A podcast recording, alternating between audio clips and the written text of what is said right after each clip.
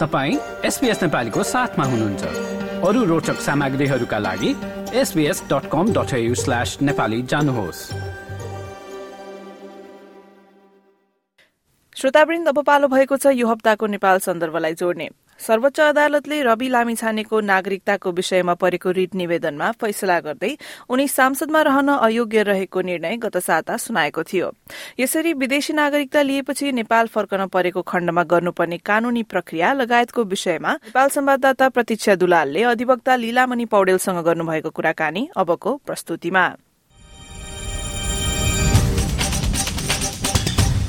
यो रवि लामी छानेको नागरिकता सम्बन्धी सर्वोच्च अदालतले जुन आदेश गर्यो नि त्यसपछि चाहिँ उनी जस्ता विदेशी नागरिकता लिएका नेपालीहरूले के बुझ्नु जरुरी छ अब? यस्तो नागरिकता लिनेहरूले यदि नेपालमा आएर बस्ने हो अथवा विदेशको नागरिकता त्याग्ने हो र नेपालमा आएर बस्ने हो भने चाहिँ आफूले विदेशी नागरिकता त्यागेको निशा र नेपालमा के अरे आफू फेरि बसोबास गर्नको लागि आएको एउटा कानुनले निर्धारित गरेको एउटा नमुना फारम छ। त्यो फारम भरेर सम्बन्धित जिल्ला प्रशासन कार्यालय आफूले जहाँबाट नागरिकता लिएको थियो सोही नागरिकता लिएको जिल्ला प्रशासन कार्यालयमा उहाँहरूले निवेदन दिनुपर्ने हुन्छ। त्यसरी निवेदन दिएर बस्नुभयो भने उहाँलाई नेपालमा अन्य नागरिकले जसरी राजनीतिक अधिकारदेखि लिएर सबै अधिकारहरू पाउनुहुन्छ त्यसै गरी उहाँहरूले पनि प्राप्त गर्ने अवस्था रहन्छ। होइन उताको नागरिकता पनि नत्याग्ने र नेपालको नागरिक नेपालमा आएर पनि बस्ने त्यो दोहोरो नागरिकता गरेर बस त्यसरी चाहिँ बस्न चाहिँ मिलेन। अझ राजधानीको हकमा त राजधानी सम्बन्धी ऐनले अलिक अप्ठ्यारै अवस्था अर्थात् फौजदारी अभियोग पनि हुन सक्ने व्यवस्था गरेको छ। त्यसले गर्दा जो विदेशमा भएका नागरिक नेपाली नागरिक मुलका नागरिक या गैर आवश्यक नेपाली जो हुनुहुन्छ उहाँहरूले नेपालमा बाबुबाजेको पैतृक सम्पत्ति अंश अपुतालीको हक नपाउने भन्ने हुँदैन हुन्छ। पाउनुहुन्छ। तर उहाँले चाहिँ के छ भने एकैसाथ दुईवटा नागरिकताको प्रयोग गर्नमा मात्रै प्रतिबन्ध लगाएको अवस्था हो। त्यसो भयो अब उनी जस्तै होइन कुनै बेला चाहिँ विदेशी नागरिकता लिएका तर अब फेरि नेपालमा आउन खोज्ने मानिसहरूले उनीहरूको पहिले जारी भएको नागरिकता छ नि जुन त्यो चाहिँ प्रयोग गर्न पाउँछन् कि पाउँदैनन् कि कानुन रूपमा चाहिँ उनीहरूले विदेशी नागरिकता त्यागेपछि अब के के गर्नुपर्छ? अब यो गैर आवश्यक नेपाली सम्बन्धी ऐन र नियमावली छ। त्यसले चाहिँ विदेशी मूलका नागरिक गैर आवश्यक नेपाली भनेर परिभाषाहरू अलग अलग गरेका छ। त्यो अनुसार चाहिँ उहाँहरू यदि रजिस्टर्ड हुनुहुन्छ उहाँहरूले नेपालमा केही लगानी गर्न चाहनुहुन्छ अथवा उद्योग व्यवसायमा लगानी अथवा नेपालमा घर बसोबास या पछिको लागि भनेर कुनै सम्पत्ति जोड्न चाहनुहुन्छ भने उहाँले लगानी त्यो गर्न पाउनुहुन्छ तर त्यसको लागि त्यो एनआरएनको हैसियतको एउटा परिचय पत्र जारी हुन्छ मन्त्रालयबाट। त्यो परिचय पत्र लिएको हुनु पर्यो। त्यसको आधारमा चाहिँ के छ भने यहाँ कुनै लगानी गर्न या घर जग्गा सम्पत्ति जोड्न जो नियमावली व्यवस्था छ एउटा लिमिटेसन तोकिदिया छ। दुई रोपनी आठ कट्ठा चार रोपनी र एक बिघासम्म दस रोपनी पहाडको दस रोपनीसम्म भन्ने छ। त्यो उसमा चाहिँ उहाँले खरिद गर्न सक्नुहुन्छ। तर गैर आपसी नेपाली बन्नु भएको छैन भनेदेखि चाहिँ त्यसले चाहिँ अप्ठ्यारो पार्छ। साम्पत्तिक अधिकारको लागि चाहिँ दोहोरो नागरिकता भएकै कारणले यो हिजो उस बाबुबाजेको या आपुतालीबाट या अंशबाट प्राप्त हुने अथवा हिजो आफू विदेशी नागरिक हुनु अगाडि चाहिँ के छ भने खरिद गरिएको सम्पत्ति यस्तो सम्पत्तिको हकमा चाहिँ उहाँहरूलाई कुनै असर पर्दैन। उहाँहरूलाई असर पर्दैन खालि के अरे बिक्री गर्ने सन्दर्भमा र आफ्नो हैसियत चाहिँ के छ भने गैर आवश्यक नेपालीको हैसियत छैन भने नयाँ उस गर्नको लागि खरिद गर्न लिनको लागि मात्रै अप्ठ्यारो हो तर नेपालमा रहेको बाबुबाजेको सम्पत्ति अंशबाट या अपुतालीबाट प्राप्त गर्ने सम्पत्तिको हकमा चाहिँ नेपाल कानुनले कुनै रोक लगाएको छैन। भनेपछि उहाँहरूले चाहिँ आफ्नो पैतृक सम्पत्ति अथवा पहिला नागरिकता नेपाली नागरिकता हुँदाखेरिको चाहिँ सम्पत्ति भोग चलन गर्न पाउनुहुन्छ त्यसलाई बेच्न पनि पाउनुहुन्छ। तर नयाँ चाहिँ किन्न पर्यो भने चाहिँ त्यस्तो अवस्थामा चाहिँ के हुन्छ? कानुनले के भन्छ? नयाँ किन्नको लागि उहाँहरूले त्यो स्पष्ट छ गरेर आवश्यक नेपाली सम्बन्धी नियमावलीमा कि यो परराष्ट्र मन्त्रालयमा मार्फत उहाँहरूले चाहिँ सचिवकोमा एउटा निवेदन दिने र म फलानु जिल्लाको फलानु ठाउँको म यति जग्गा किनभने त्यसमा लिमिटेसन तोकिया हुनाले यति जग्गासम्म चाहिँ म खरिद गर्न चाहन्छु भनेर यति मूल्यमा खरिद गर्न चाहन्छु भनेर निवेदन दिनुपर्ने हुन्छ र परराष्ट्र मन्त्रालयको सचिवले चाहिँ त्यसलाई अनुमति स्वीकृति दिए पछाडि मालपोत कार्यालयबाट त्यो पारित गरेर लिन सकिन्छ नपाउने भन्ने छैन। अब जस्तै अस्ट्रेलिया अमेरिका लगायत विभिन्न देशहरूमा चाहिँ ग्रिन कार्ड पिआर भन्ने हुन्छ नि। त्यस्तो लिएका नेपालीहरूले चाहिँ अब उनीहरूले चाहिँ नेपालमा के के गर्न पाउँछन् के के पाउँदैनन् होइन? उनीहरूले नपाउने जस्तै अब राजनैतिक नियुक्तिहरू नपाउने होला त्यस्तै योग्य अयोग्य हुने हुन्छ नि। त्यस्तो चाहिँ के के छ अहिलेको कानुनी प्रावधान अनुसार?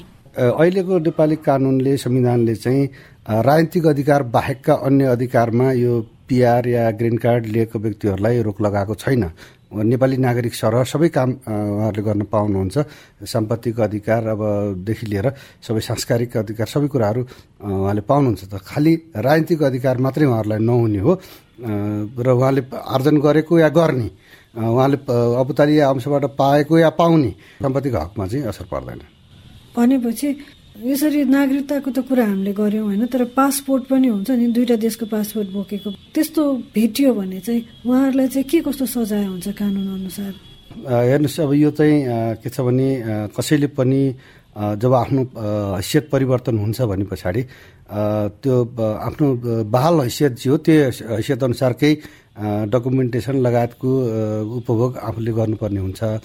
एकसाथ कुनै पनि व्यक्ति नेपाल आउँदा विदेशी राहदानी र नेपालमा आएपछि फेरि नेपाली राहदानी प्रयोग गरेर जाने भनेको चाहिँ यो राहदानी ऐन अन्तर्गतको कसुर हुन्छ। त्यसमा चाहिँ अध्यागमन विभागले अध्ययन अध्यागमन विभागले त्यसलाई चाहिँ के छ भने अनुसन्धान गरेर प्रहरी मार्फत यो जाली राहदानी शीर्षकमा चाहिँ त्यो जाली राहदानी तर विवरणमा दोहोरो के अरे राजधानी प्रयोग गरेको कसुरमा चाहिँ जिल्ला अदालतमा मुद्दा चल्न सक्छ।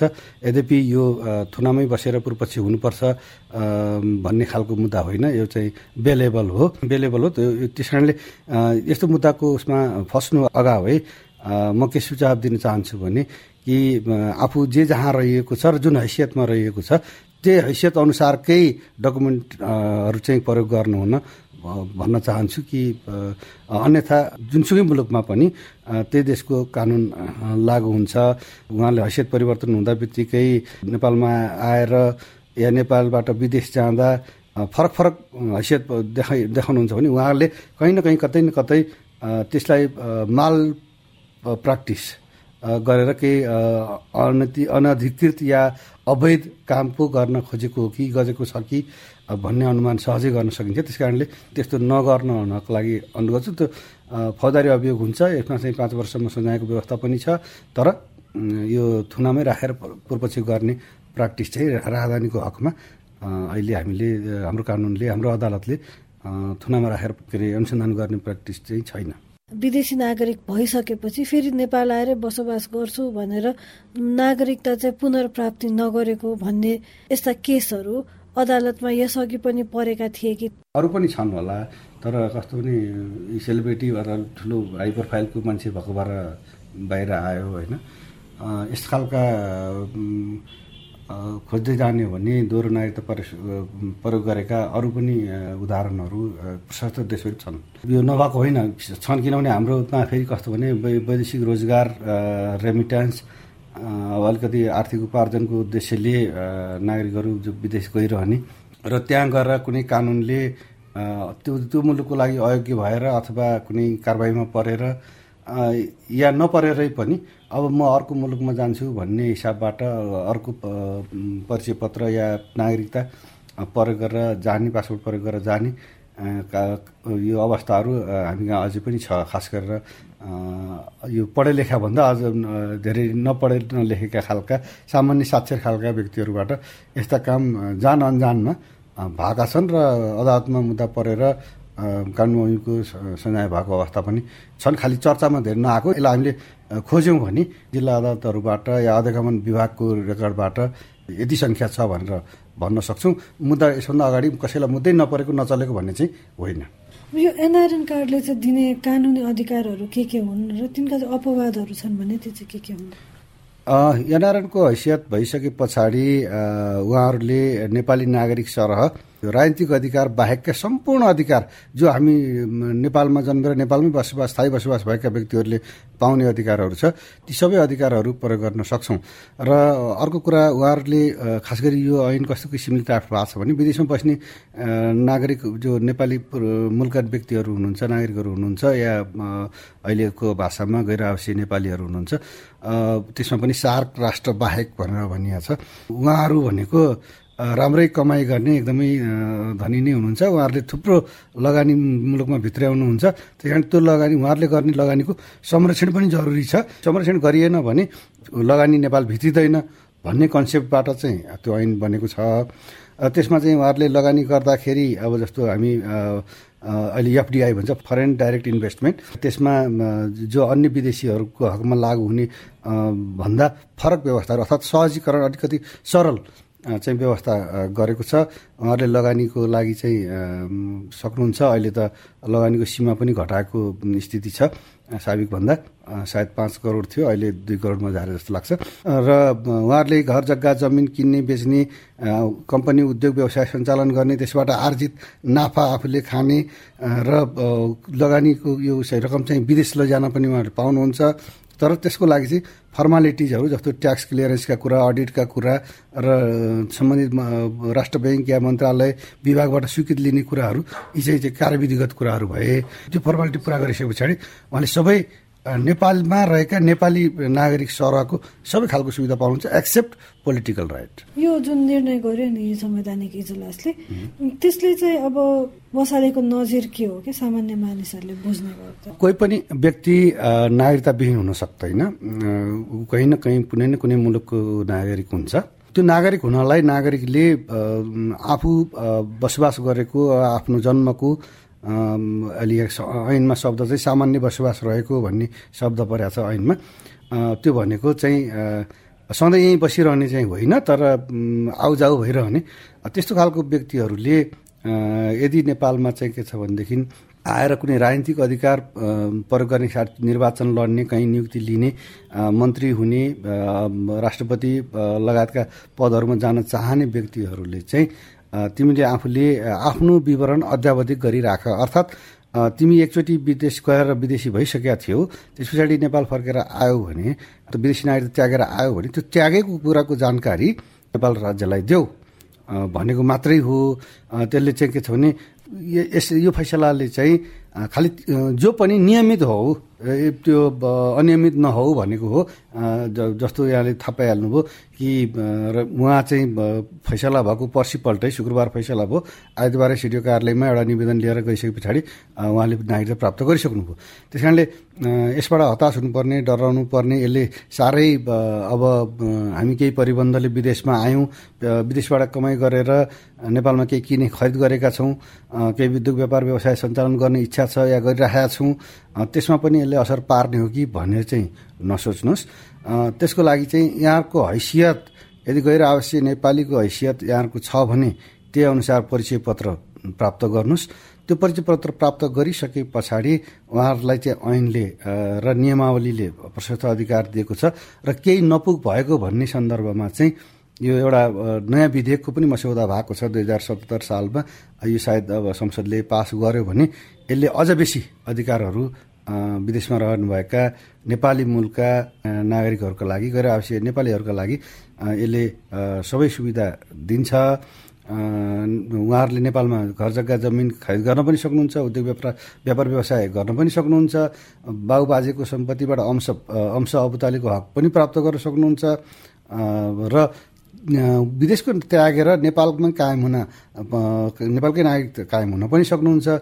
त्यो नहुँदासम्म चाहिँ उहाँहरूलाई राजनीतिक अधिकारमा चाहिँ भन्दै छ। त्यो बाहेकको साम्पत्तिक अधिकारका हकमा चाहिँ अरू जस्तो वैवाहिक सम्बन्धका कुराहरू अंशका कुराहरू अपुतालीका कुराहरू घर जग्गा खरिद बिक्रीका कुराहरूमा चाहिँ बन्देज लगाएको छैन। र श्रोतावृन्द उहाँ हुनुहुन्थ्यो अधिवक्ता लीलामणि पौडेल संवाददाता नेपाल संवाददाता प्रतीक्षा दुलालसँग कुरा गर्दै हुनुहुन्थ्यो र यस कुराकानीमा व्यक्त गरिएका जानकारी सामान्य किसिमका छन् भनेर हामी तपाईँलाई जानकारी दिन चाहन्छौ र तपाईँको व्यक्तिगत अवस्थामा यो कुराले मेल खान पनि सक्छ नखान पनि सक्छ र आफ्नो व्यक्तिगत अवस्थाबारे केही प्रश्न छन् भने चाहिँ आफ्नो कानूनी सल्लाहकारलाई सोध्नु नै सबैभन्दा उचित हुन्छ। र यो पूरा कुराकानीलाई तपाईँले हाम्रो website SPS dot com dot AU slash नेपालीमा पाउन सक्नुहुन्छ। यो जस्तै अन्य प्रस्तुति सुन्न चाहनुहुन्छ?